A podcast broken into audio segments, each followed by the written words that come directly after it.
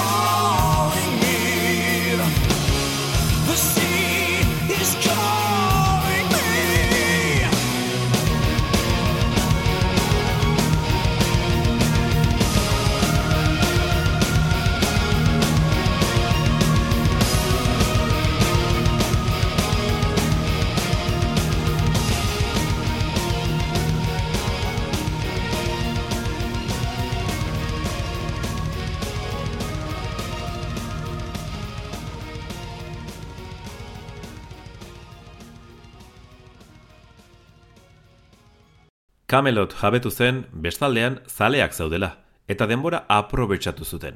Horrela, larogeita amazazpian Dominion bigarren diskoa kaleratu zuten, oi hartzuna zertxo bait areagotuz. Urte hartan, Warner bateria sortzaileak taldea utzi zuen, eta Casey Grillo gazteak ordezkatu. Larogeita emezortzian berriz, Wonderbilt abeslariak zuzenekoak utzi zituen, eta Conception banda progresiboko Roy Kahn kantariak hartu zuen haren lekua. Une horretan, Youngblood gitaristak etzuen jakingo kanen fitxaketa zein garrantzitsua izango zen eurentzat. Camelot berrosatuta, laro geita emezortzian, Siege Perilus irugarren lana plazaratu zuten. Ona hemen, Millennium.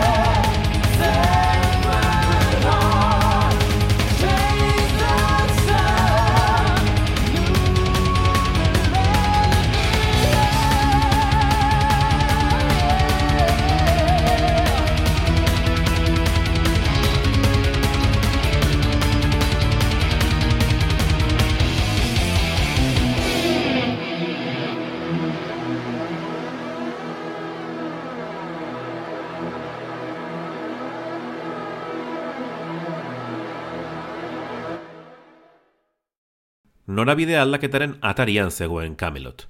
Kanen kantaera operistikoagoak eta konposizioan egindako ekarpenek beste dimentsio bat eman zioten bandari.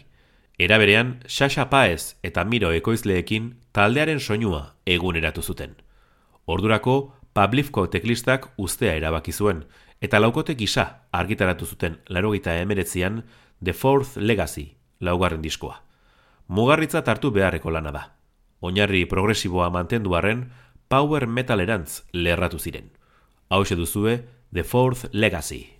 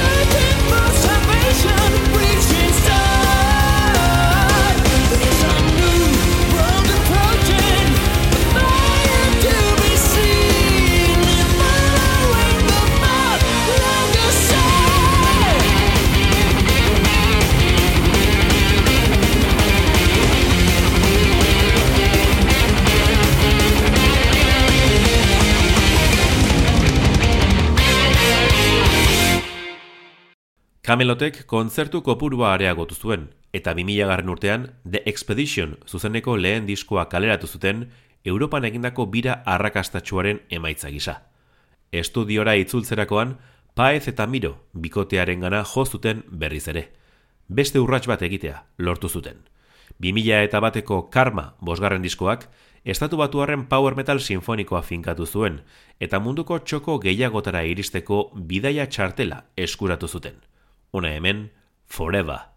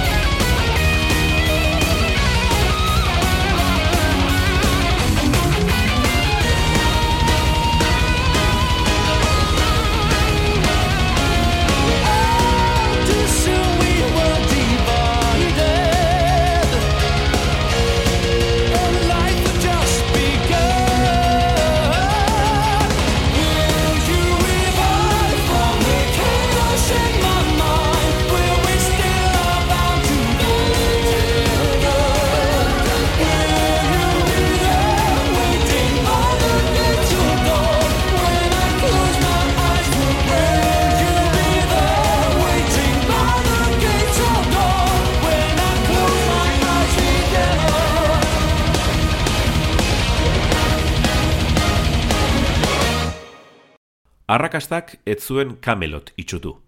Jaunblot eta kan sortzaileek argi ikusi duten sormenaro paregabea aprobetsatu behar zutela. Horregatik, seigarren diskoa kontzeptuala izatea adostu zuten. Goezeren Fausto drama erromantikoan oinarritu zuten 2000 eta iruko epika lana. Izenburuak dioen moduan, epikoa eta iradokitzailea da. Proposamena aberastu zuten metal progresibo zein sinfonikoa, power metala eta gotikoa uztartuta. Eta benetako orkestra bat erabilita. Hau duzue euren ereserki borobilenetako bat. Center of the Universe.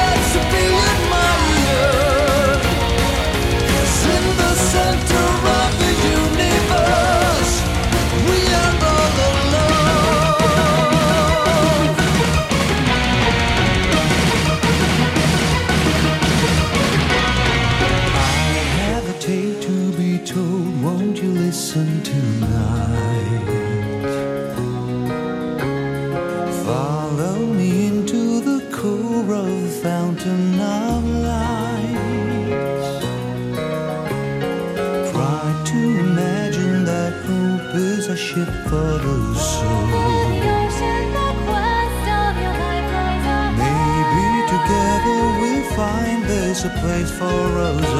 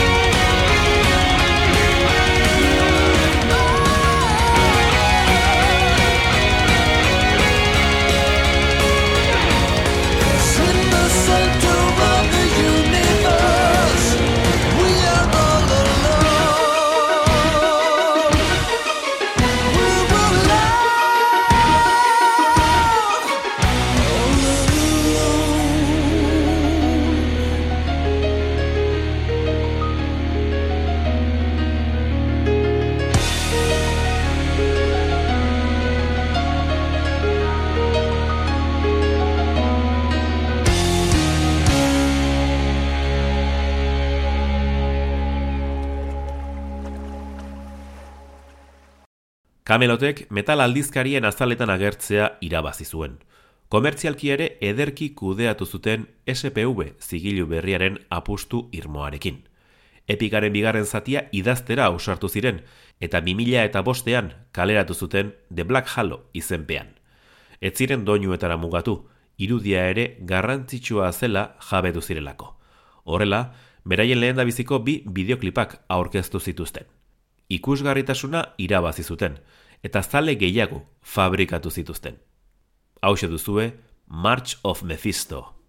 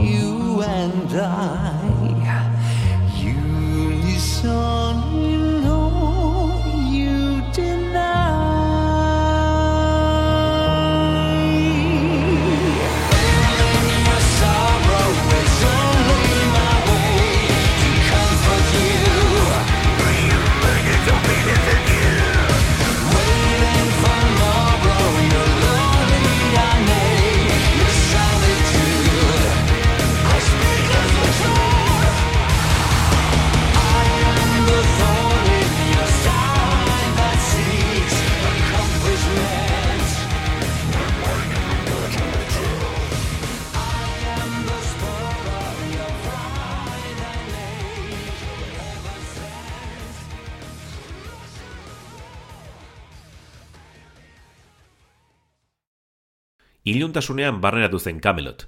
2000 eta zazpiko Ghost Opera zazpigarren diskoa desberdina da estatu batuarrek urtetan landuriko oinarriari eusten dion arren. Erritmoak lausotu eta egiturak bihurritu zituzten iraganeko esentzia progresiboa berreskuratu eta iluntzeko. Eragin gotikoak eta industrialak dituen lana da. Euren zorionerako harrera ona izan zuen. Aurretik, Oliver Palotai teklistarekin berriz ere boskote bihurtu ziren. Hona hemen, Ghost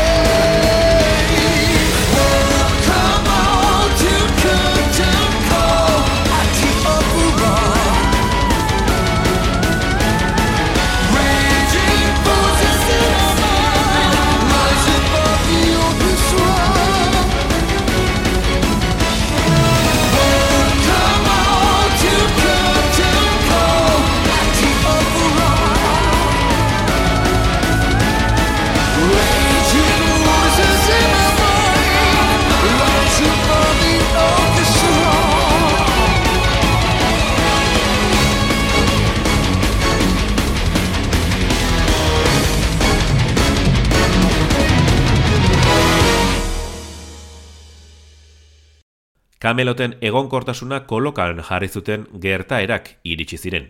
2000 eta bederatzean, Glenn Barry basu jotzaileak taldea ustea erabaki zuen, eta Sin Tibets lagun zaharra batu zitzaien, maketak grabatu zituena. Urtebete beranduago, Poetry for the Poisoned zortzigarren diskoa kaleratu zuten, eta gerora konturatu ginen Roy Kahn abeslariaren azkena izango zela.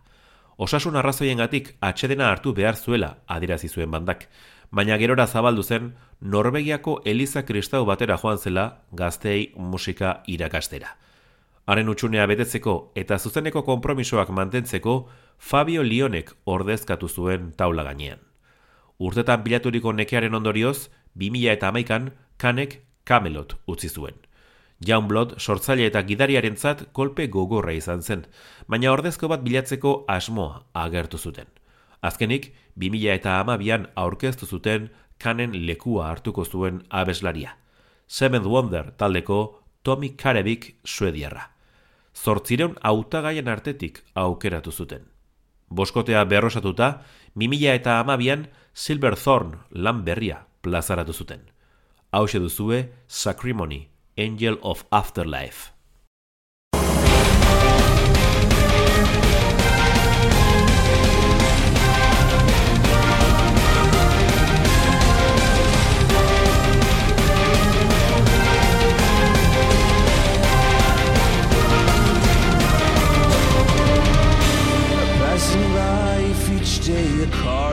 On a wall.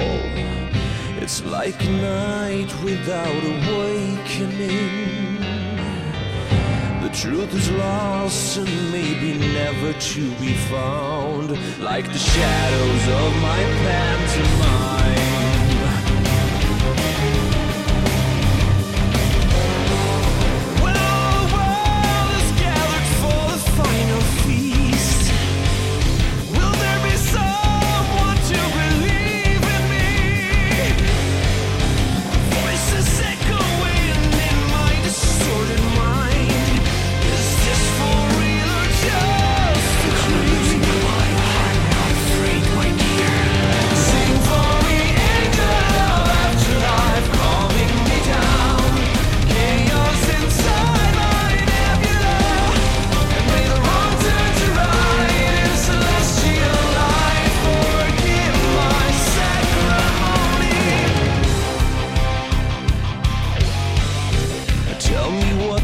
say that I am supposed to know? Tell me. Yeah.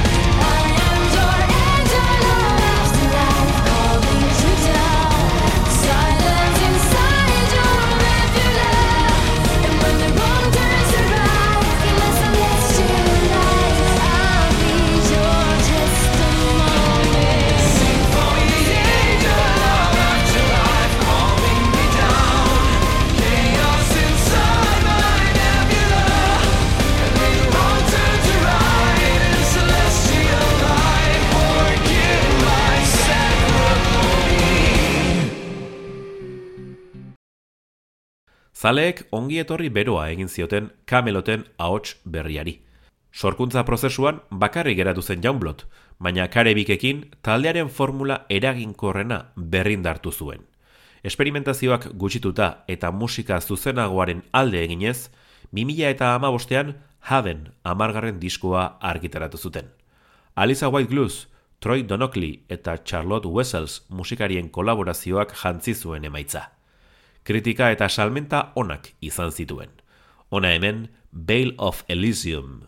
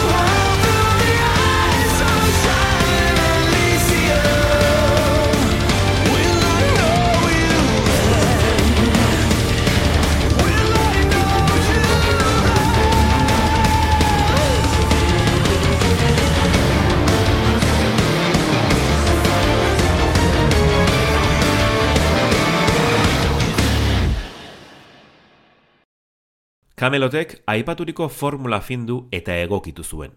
Kontzertu birak egiten jarraitzeko sormena zaindu zuten, errepikakorrak izateko arriskuari izkin eginez.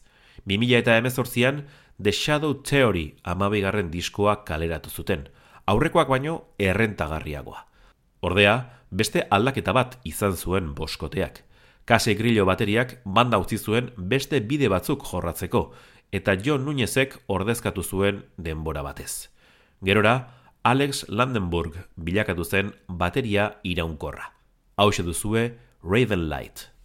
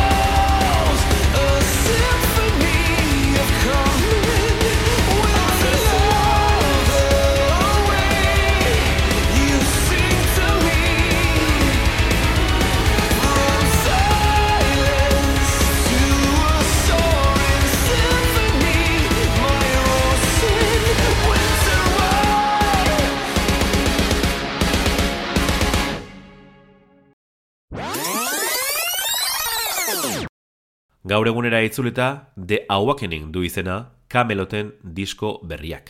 Sortzez, estatu batuarrak direla diogun arren, jabetu gara egun taldekideen gehiengoa Europarra dela. Hau da, jorratzen duten musikaren antzera. Sinfonikoa, progresiboa eta melodia ederrekin jositakoa. Saioa bukatzeko, azken laneko abesti bat aukeratu dugu. Opus of the Night, Ghost Requiem. Urrengora arte, metalzale.